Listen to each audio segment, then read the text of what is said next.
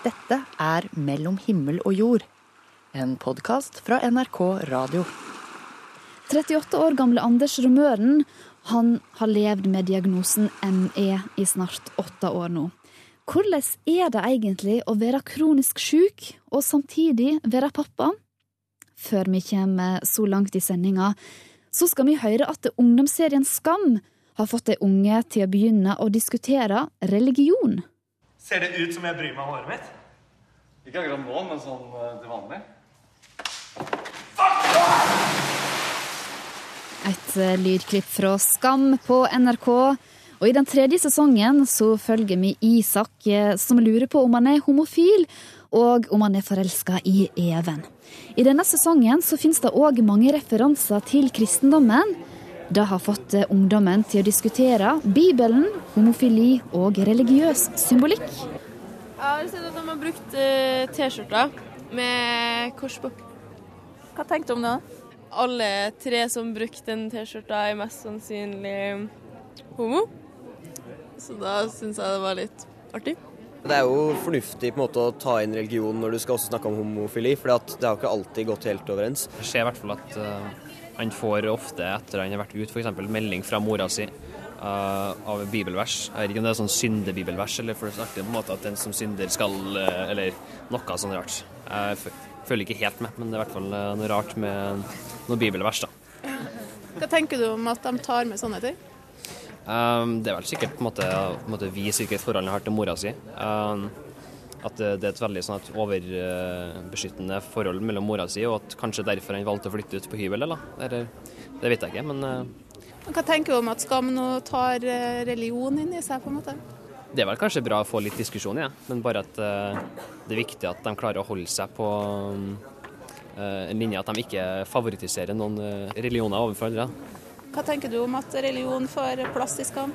Eh, jeg syns det er bra. Jeg syns de tar for seg litt forskjellige temaer som er på en måte litt viktige i dag. Det er bra at de ikke, viser litt forskjellige sider da, for ja, alle.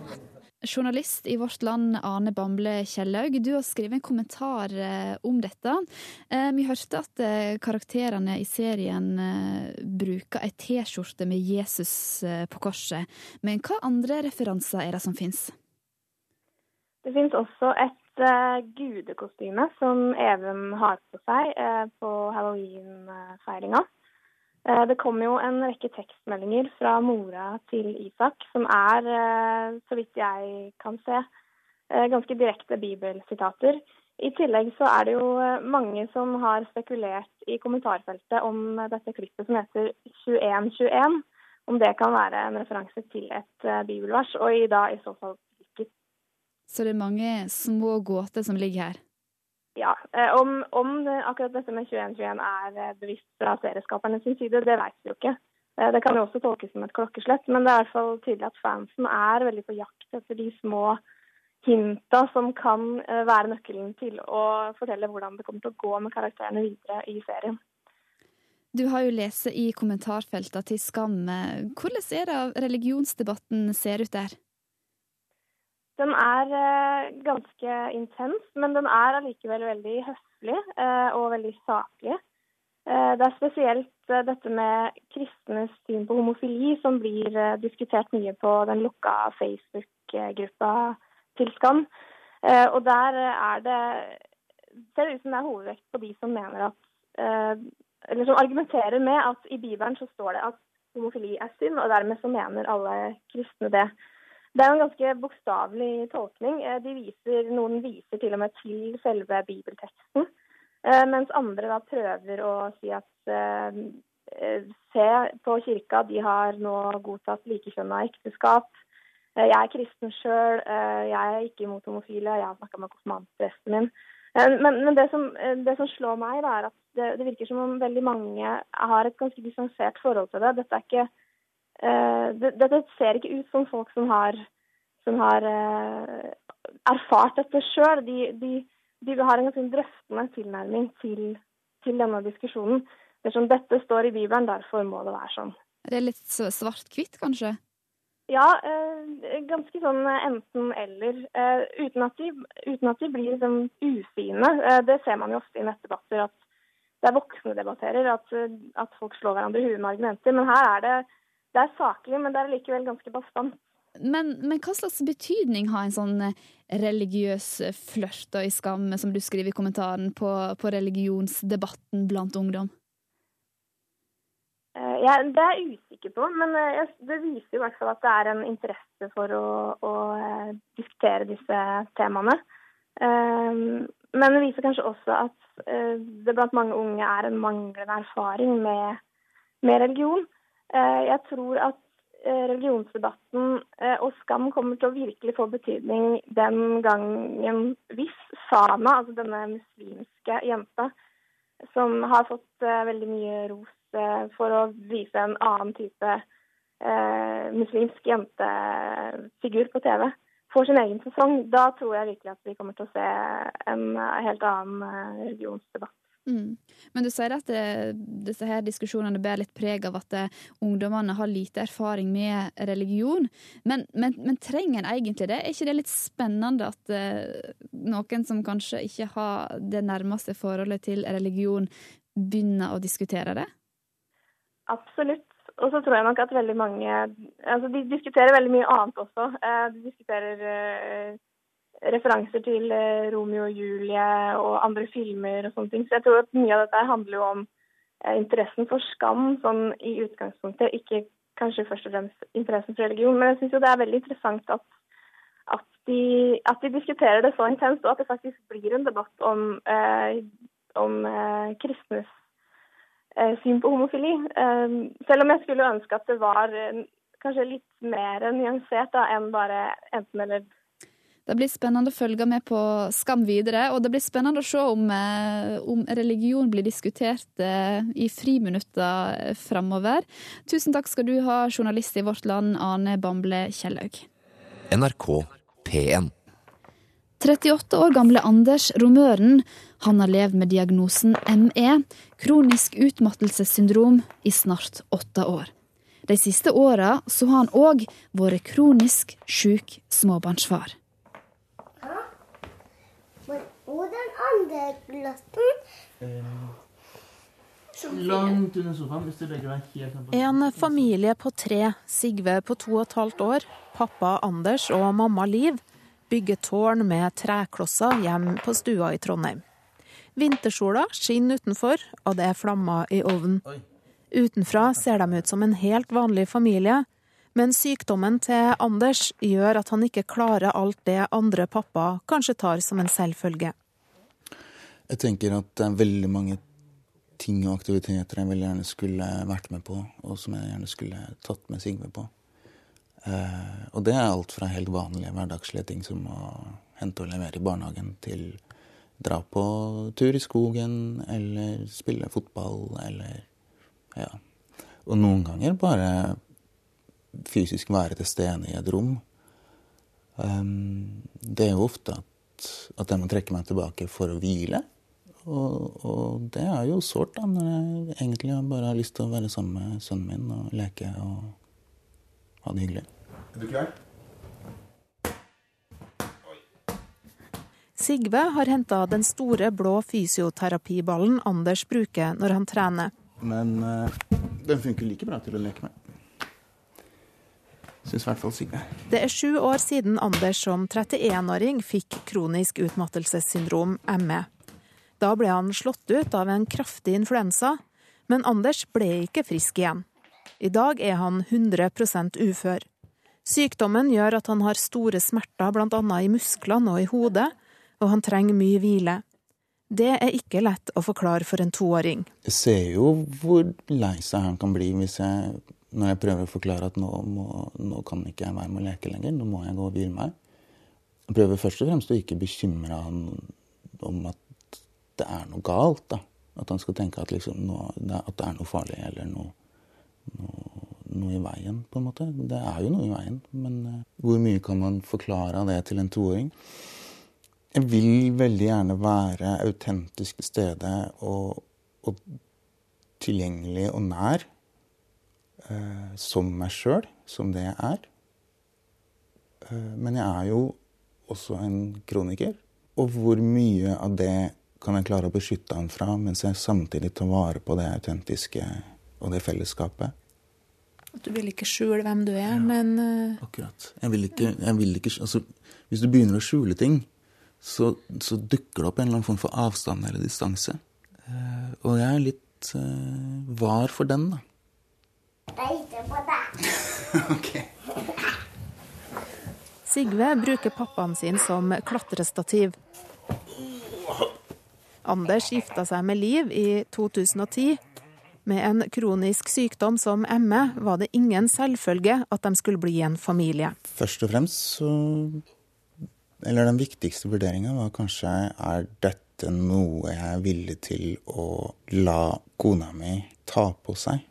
Er dette en oppgave som jeg er villig til å la henne ta, hvis du skjønner? Altså, jeg kan ikke velge det for henne, men, men jeg tenkte mye på at det klart blir en stor ekstrabelastning for en småbarnsmor å også være nærmeste pårørende til en kroniker. Eh, Men det er klart at det valget var og er hennes. Eh, Og det at hun ville det, at hun turte det og orka det sammen med meg, det er en av de sterkeste tingene jeg har opplevd, tror jeg, i hele mitt liv. Kan du utdype deg litt? Jeg tenker at det er det som er kjærlighet. Eh, Og det å være i senter for den tilliten og den kjærligheten, det gjør meg veldig ydmyk og takknemlig. Sigve, da skal vi kle på oss og så gå ut. Gå en tur.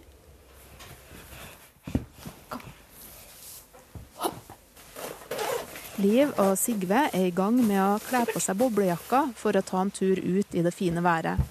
Sigve vil, som unger flest, ikke ha på seg klær og springe inn i stua til Anders. Sånn. Hvordan er det å kle på, men ikke skal være med sjøl, da? Eh, eh, vanlig. For meg. Men det er klart det er Men det er mye dobbelthet i det. Det er ofte at det er to ting på en gang. For eksempel hvis Liv og Sigve går ut, så betyr det at jeg kan få meg litt grann hvile, som jeg trenger veldig sårt.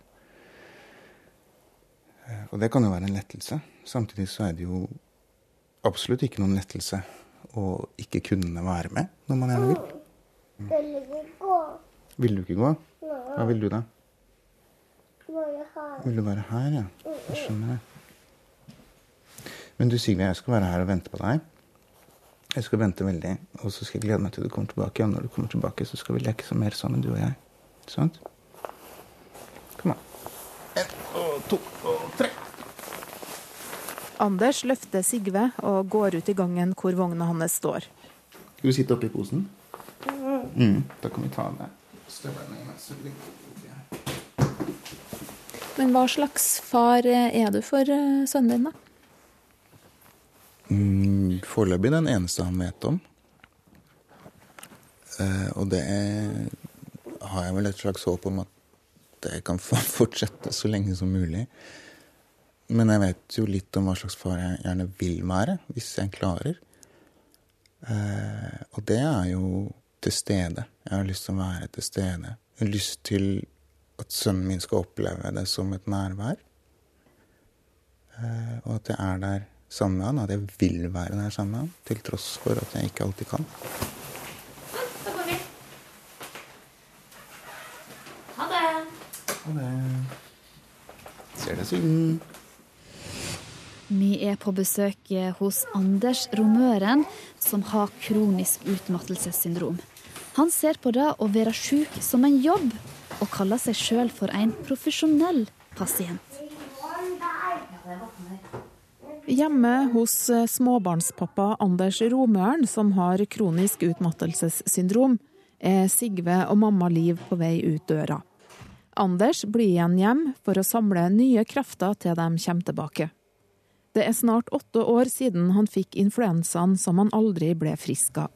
Først så var det bare rart. Jeg måtte på en måte teste er, det, er jeg faktisk ikke frisk, så jeg gikk på jobben da. Og måtte bare gå hjem igjen. Men etter hvert som ukene gikk, så ble det jo mer skummelt, egentlig. Eh, Det var jo definitivt noe nytt og ukjent og veldig ubehagelig. Eh, og at det kunne innebære et kraftig funksjonstap og varighet. Så det var mye som sto på spill, plutselig. Veldig brått. Anders gikk med influensafølelsen samtidig som flere andre symptomer dukka opp, i et halvt år før han fikk diagnosen kronisk utmattelsessyndrom. På noen få måneder hadde livet og framtida endra seg voldsomt.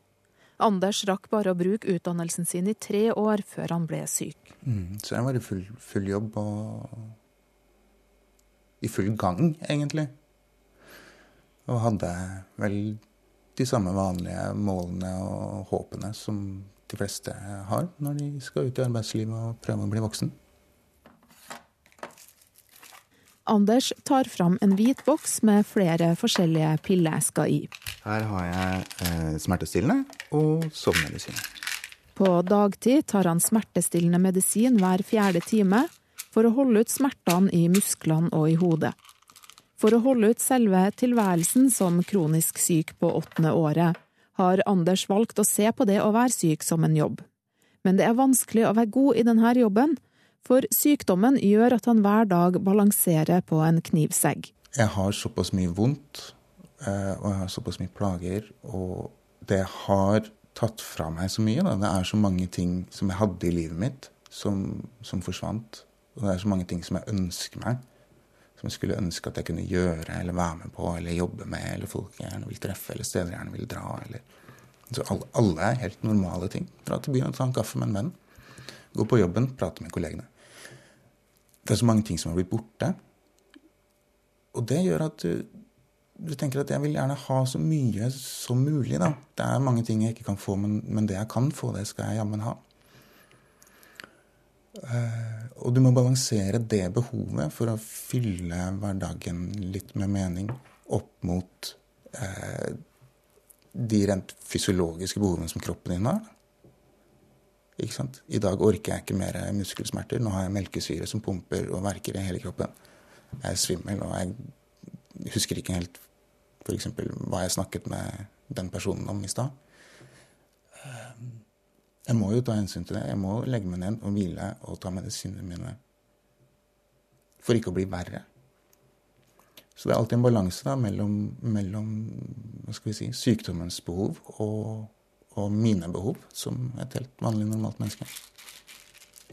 Og ikke minst familiens behov. Sønnen min sine behov.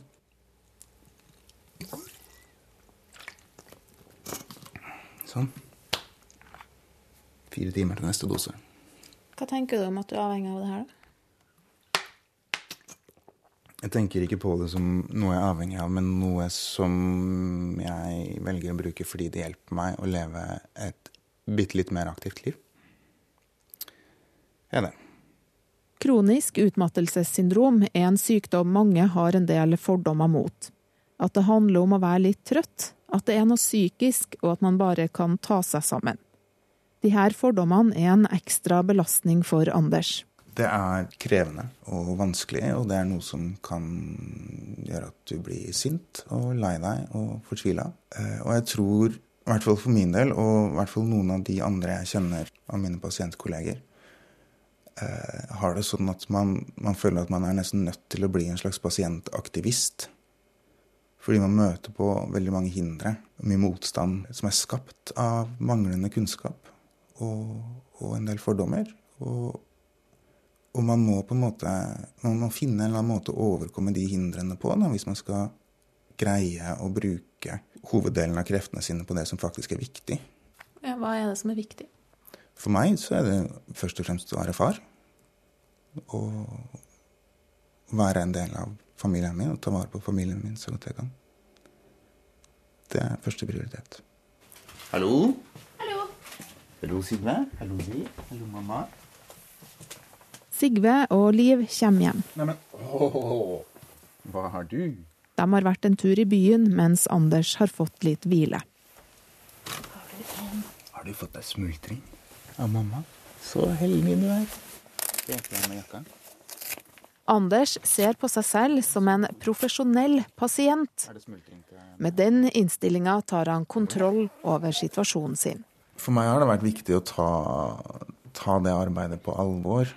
Alle utfordringene som kommer med det. hver dag og tenke på det som, ja, som en oppgave. Da.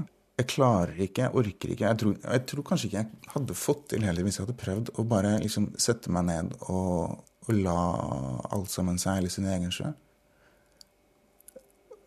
Og jeg vet ikke hva det er, men jeg mistenker at vi kanskje alle er sånn at vi, hvis vi blir Hvis vi mister nok, da,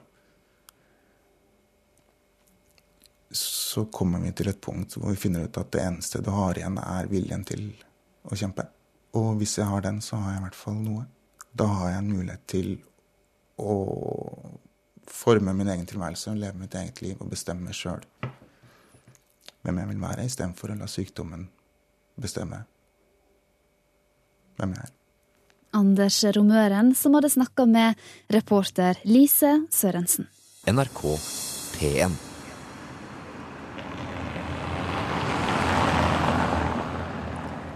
Hei, jeg heter Ingrid Klokkersen Børt. Jeg er, fra Ålesund, men jeg er først og fremst et menneske. Og jeg er mor, jeg har to barn, og jeg er gift. Jeg tror at det er veldig viktig å leve i øyeblikket. Jo, for vi er så utrolig sjelden til stede i øyeblikket. Vi driver hele tida og angrer på ting og gruer oss til ting. Og driver og forbereder det perfekte øyeblikket en eller annen gang i fremtida når vi skal være lykkelige. Men det øyeblikket kommer aldri. Det er vi har kun øyeblikket, så vi kan være lykkelige nå eller aldri.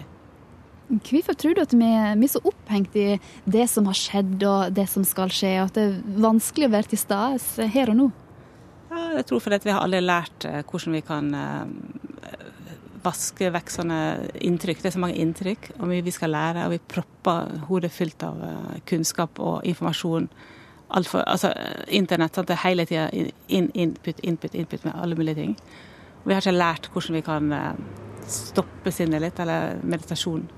Akkurat selve meditasjonen gir en veldig dyp hvile, som gjør at jeg er bedre i stand til å, ja, til å være til stede med det som skjer. Mm, absolutt. Hva er det en kan oppdage da, hvis en er til stede i nuet? Kan det plutselig komme, gi rom for at det kan skje noe nytt? Jeg kan få en ny tanke. eller Hvis du sitter og skal dikte, lage et dikt og sitter og tenker på tenker, tenker hva jeg skal skrive, eller skrive bok, sant? Det, det går ikke. Men plutselig kanskje kommer det. Og da kommer det når du ubevisst ikke har tenkt. Er du flink på å leve i nuet? eh, vel, eh, det vet jeg. Man glemmer seg, og plutselig er man helt med det. men jeg, jeg, er blitt mer og mer bevisst på det gjennom fordi at jeg praktiserer ting. Så, men selvfølgelig ikke perfekt på. Altså det man blir eh, dratt inn i alle disse tingene og det daglige gjøremål. Men, men eh, hver dag så gjør jeg noen øvelser som gjør at eh, jeg setter, gir meg mulighet iallfall til å gi, gi sinnet en pause, gi meg litt en friminutt.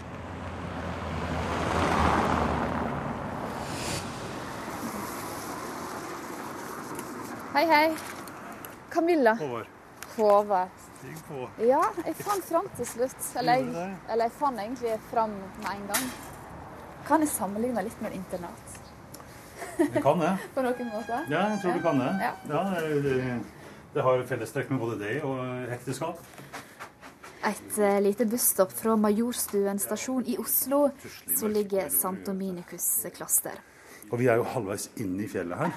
Dette bygget her står godt inntil fjellveggen bak. Bare 30 cm rom, og det gjør at huset her er utrolig stille. Her i den hvite, store murbygningen med egen kirke bor munk og pater Håvard Simon Nilsen, ja, også fem andre katolske brødre. Vi er jo alltid gå litt sånn tusle i mørke korridorer, vet du de munkene. Ja, er det litt typisk for dere munker å ha det litt mørkt? Ja, jeg tror, det? Jeg tror det. Ikke til liturgien og sånn, da. De seks munkene de er verken i familie eller kommer fra den samme vennekretsen. Men de har lova at de skal bo i lag så lenge de lever.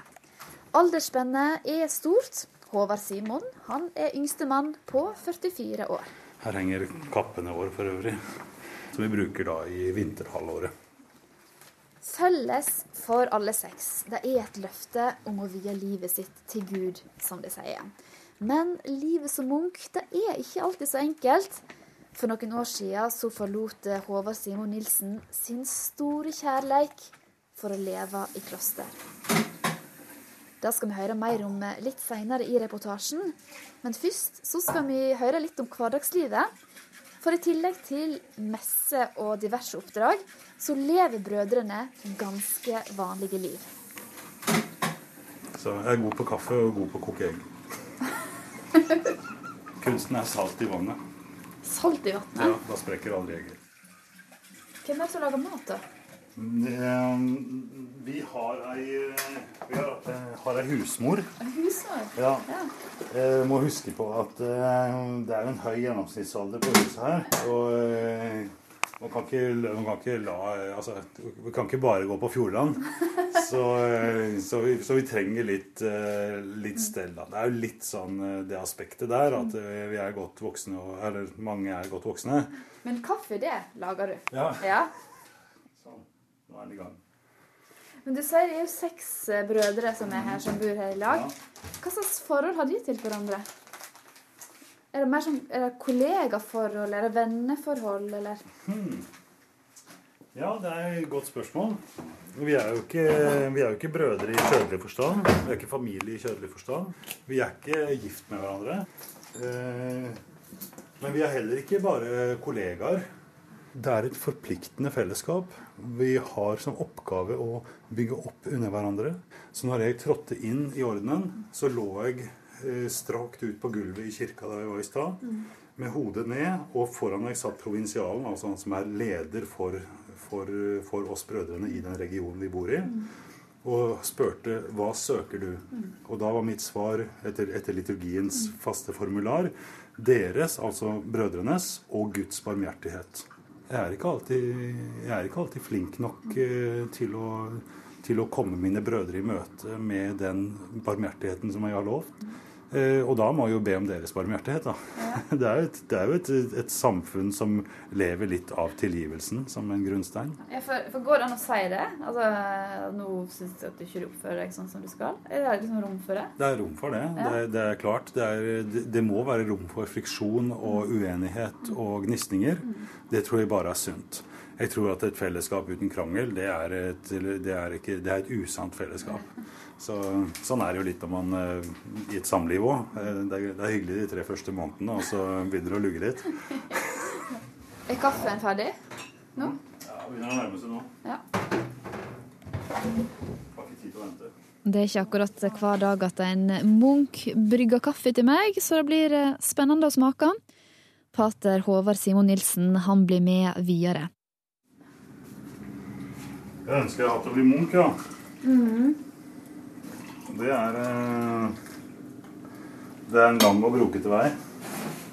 Pater Håvard Simon Nilsen skjenker kaffe i et stort krus på kjøkkenet i klosteret som han bor i, i lag med seks andre katolske brødre på Majorstuen. For over 20 år siden så var alt litt eh, annerledes. Han studerte for å bli landskapsarkitekt, og så for seg et eh, ganske så normalt A4-liv. Og jeg hadde det fint. Jeg hadde alt. Jeg hadde jobbtilbud. Jeg hadde, det, var, det var mye som lå til rette. Og jeg, jeg, var, jeg, var, jeg syntes jeg var egentlig god i det jeg holdt på med også. Eh, men, når jeg, men når jeg kom på en måte begynte å nærme meg slutten av det studiet, så ble jeg mer og mer rastløs. Og mer og mer i tvil på hva jeg egentlig skulle bruke livet mitt på. Er jeg egentlig der jeg skal være? Da begynte også min søken eh, Ja, min kirkelige søken begynte da. om Hvilken kirke er det jeg egentlig skal tilhøre? Eh, Så da tenkte jeg kunne bli prest i Den norske kirke. Det er en, det er en, det er en eh, fin måte å vie livet sitt til Gud på, tenkte jeg. Men så ble jeg jo katolikk, da. Og i katolske kirker så kan man jo ikke gifte seg hvis man, hvis man har tenkt å bli prest.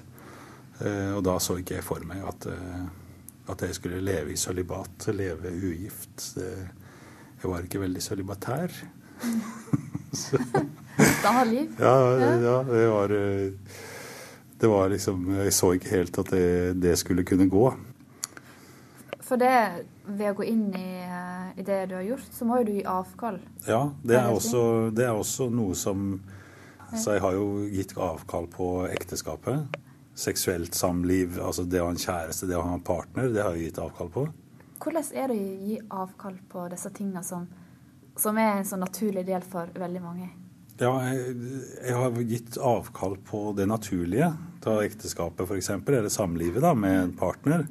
så har jeg gitt avkall på det naturlige for å ikke, ikke, ikke for å få det unaturlige, men for å få det overnaturlige, sier de. Å ja?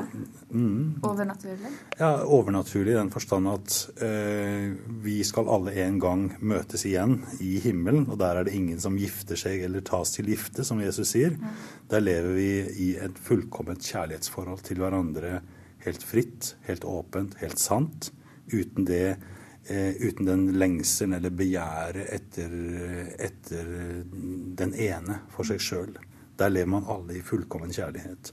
Og det er jo modellen for klosterlivet. Det å leve ut en fullkommen kjærlighet. Det betyr ikke at jeg klarer å gjøre det, men det er på en måte, et, det er på en måte klosterlivet er jo et tegn på det som skal komme.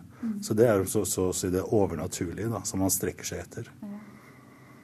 Har du noen gang tvilt på det? Det valget du har satt?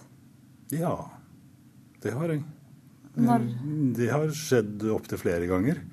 Eh, Men jeg husker jeg forelska meg i ei jente, og da tenkte jeg nå må jeg bare nå må jeg bare avslutte dette her. Det var en gang underveis under utdannelsen min i studiene, og eh, da tenkte jeg nå, nå er eh, Dette blir for vanskelig. Er, her, jeg har altfor jeg, jeg har lyst til å, til å få et barn med denne kvinnen. Det husker jeg jeg tenkte. Det er virkelig, virkelig sånn farsinstinktet som slo inn, og det å virkelig få en familie. Det er virkelig gå den veien. Da var jeg veldig i tvil. Eh, Og, og trodde ikke jeg egentlig skulle Ja, da, da sa jeg til Gud at nå må du være tydelig. For nå, eh, hvis ikke du gir meg et sikkert tegn nå på hva jeg skal, så, så flytter jeg ut. Da avslutter jeg dette her. Da går jeg en annen vei. Uh, og jeg husker jeg var, da bodde var en, Da var jeg innom her på klosteret. Det var en sommer. Og eh, jeg var skikkelig, skikkelig frustrert og liksom sånn knytta neven og 'Nå, Gud, kom igjen!' Så, og han svarte jo ikke, ikke sant? Veldig frustrerende. Nei vel, da går jeg og legger meg, sa jeg liksom. og så i morgen så er det, da er det en ny retning.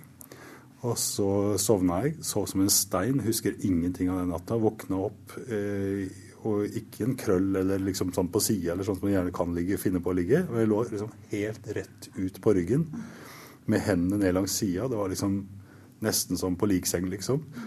Eh, og våkna opp, slo øynene opp, så rett i taket og tenkte umiddelbart her har det skjedd noe. Ja, men hva var det som skjedde, da? Jeg hadde fått full fred innvendig. Og du var ikke forelska lenger?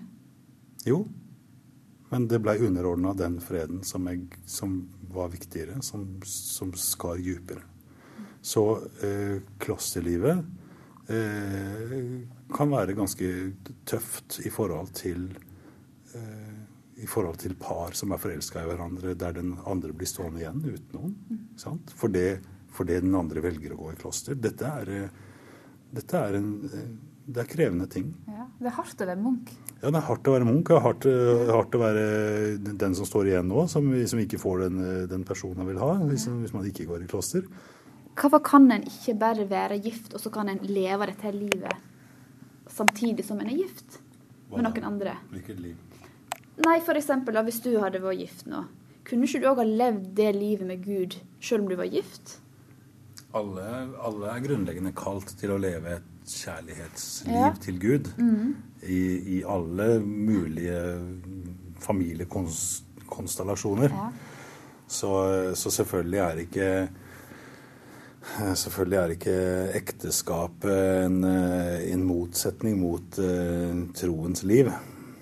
Så, så det, er, det er universelt. Eh, Menneske først og så kristen, sier Kirkegård. Eh, kristen først og så munk, kan jeg si kanskje. Eh, så det er jo det fundamentale, er jo den troen som, som gjelder alle. Eh, men vi kan ikke være alt på en gang. Eh, så vi kan ikke få alt. Eh, det å velge klosterlivet er å gå inn i et der man prioriterer bønnen og Guds nærvær på en, på en mer på en spissa måte i den rammen enn når man blir småbarnsforeldre og skal skifte bleier på tre, tre sant? Da, da har du plutselig hendene fulle. Gud er fullt og helt til stede i det også, men det er bare det er en annen vei. Så jeg, jeg, som, som, ordensbror og i ordenslivet så, så er bønnen det som er forankringen og det fundamentale virksomheten. Mm. Og vi blir åndelige fedre og mødre i, i katolske kirken. Søstrene på Lunden kloster eller på Katarinahjemmet like ved her. De har, sin, sin, de har sine morsinstinkter, som vi har våre farsinstinkter, ikke sant. Men vi får da våre åndelige barn. da, ikke sant? Vi får mange å ta vare på. Og det er mange som kommer og søker hjelp veiledning, trøst, støtte, eh, fordypning i sine liv. Og legger det fram tillitsfullt overfor oss brødrene, og overfor søstrene også. Eh, og har, det er mye sjelesorg, og det er mye Det er mye Ja, det er mye åpenhet, da. Så du får brukt litt av dine farsegenskaper da, ja, på disse åndelige barna? Jeg vil si det. Du, du føler det? Ja. Du... ja, jeg det. Jeg føler det. Jeg, føler det. jeg, jeg trenger det sjøl også. Jeg også trenger noen som kan veilede meg. Ja. Uh, så, så, det er jo et, er jo et samspill. Mm. Men, uh, men jeg, jeg, har, jeg, har, min oppgave og mitt og, og, og, ser at jeg fyller en funksjon i menneskers liv. til å være en hjelp, da. Mm. Et redskap for Gud, egentlig. NRK P1. Eh, jeg heter Anne Kataland, og jeg tror at man skal sette andre mennesker før seg selv. Jeg syns synd på de som ikke har noe å tro, eller som ikke tror på noe annet enn seg selv. Jeg tror det er litt uh, skadelig. Vi lever jo i en sånn kultur også hvor nå altså du er den viktigste. Tro på deg selv, elsk deg selv, bla, bla, bla. Eh, hvordan kan du elske andre hvis ikke du elsker deg selv først? Jeg tror at det burde være omvendt. Hvordan kan du elske deg selv først hvis ikke du først elsker andre? Eh, jo, men jeg mener det. Jeg mener, nå ser man jo hele haugen med sånne selvhjelpsguruer. Det har jo eksplodert. Eh, og jeg leste var inne på nettsiden til, til en eller annen sånn coach hennes råd var jo det at man, alle mennesker burde bruke 60 minutter på seg selv hver dag. Og jeg tenkte, hva hvis alle mennesker hadde brukt 60 minutter på noen andre hver dag? Hvor mye bedre det hadde vært for verden enn å sitte og stirre på sin egen navle. For jeg tror at, uh, at det er viktigere å bruke tiden på andre enn å bruke tiden på på å sitte og fotografere seg selv og legge ut det på nettet. Eller veskene dine og skoene dine og Rett og slett er på tide dansen rundt gullkalven. Den jo, foregår jo nå igjen. Jeg har litt lyst til å kaste den gullkalven i Oslofjorden med kjetting rundt leggene, så den aldri dukker opp igjen. Hør flere podkaster på nrk.no podkast.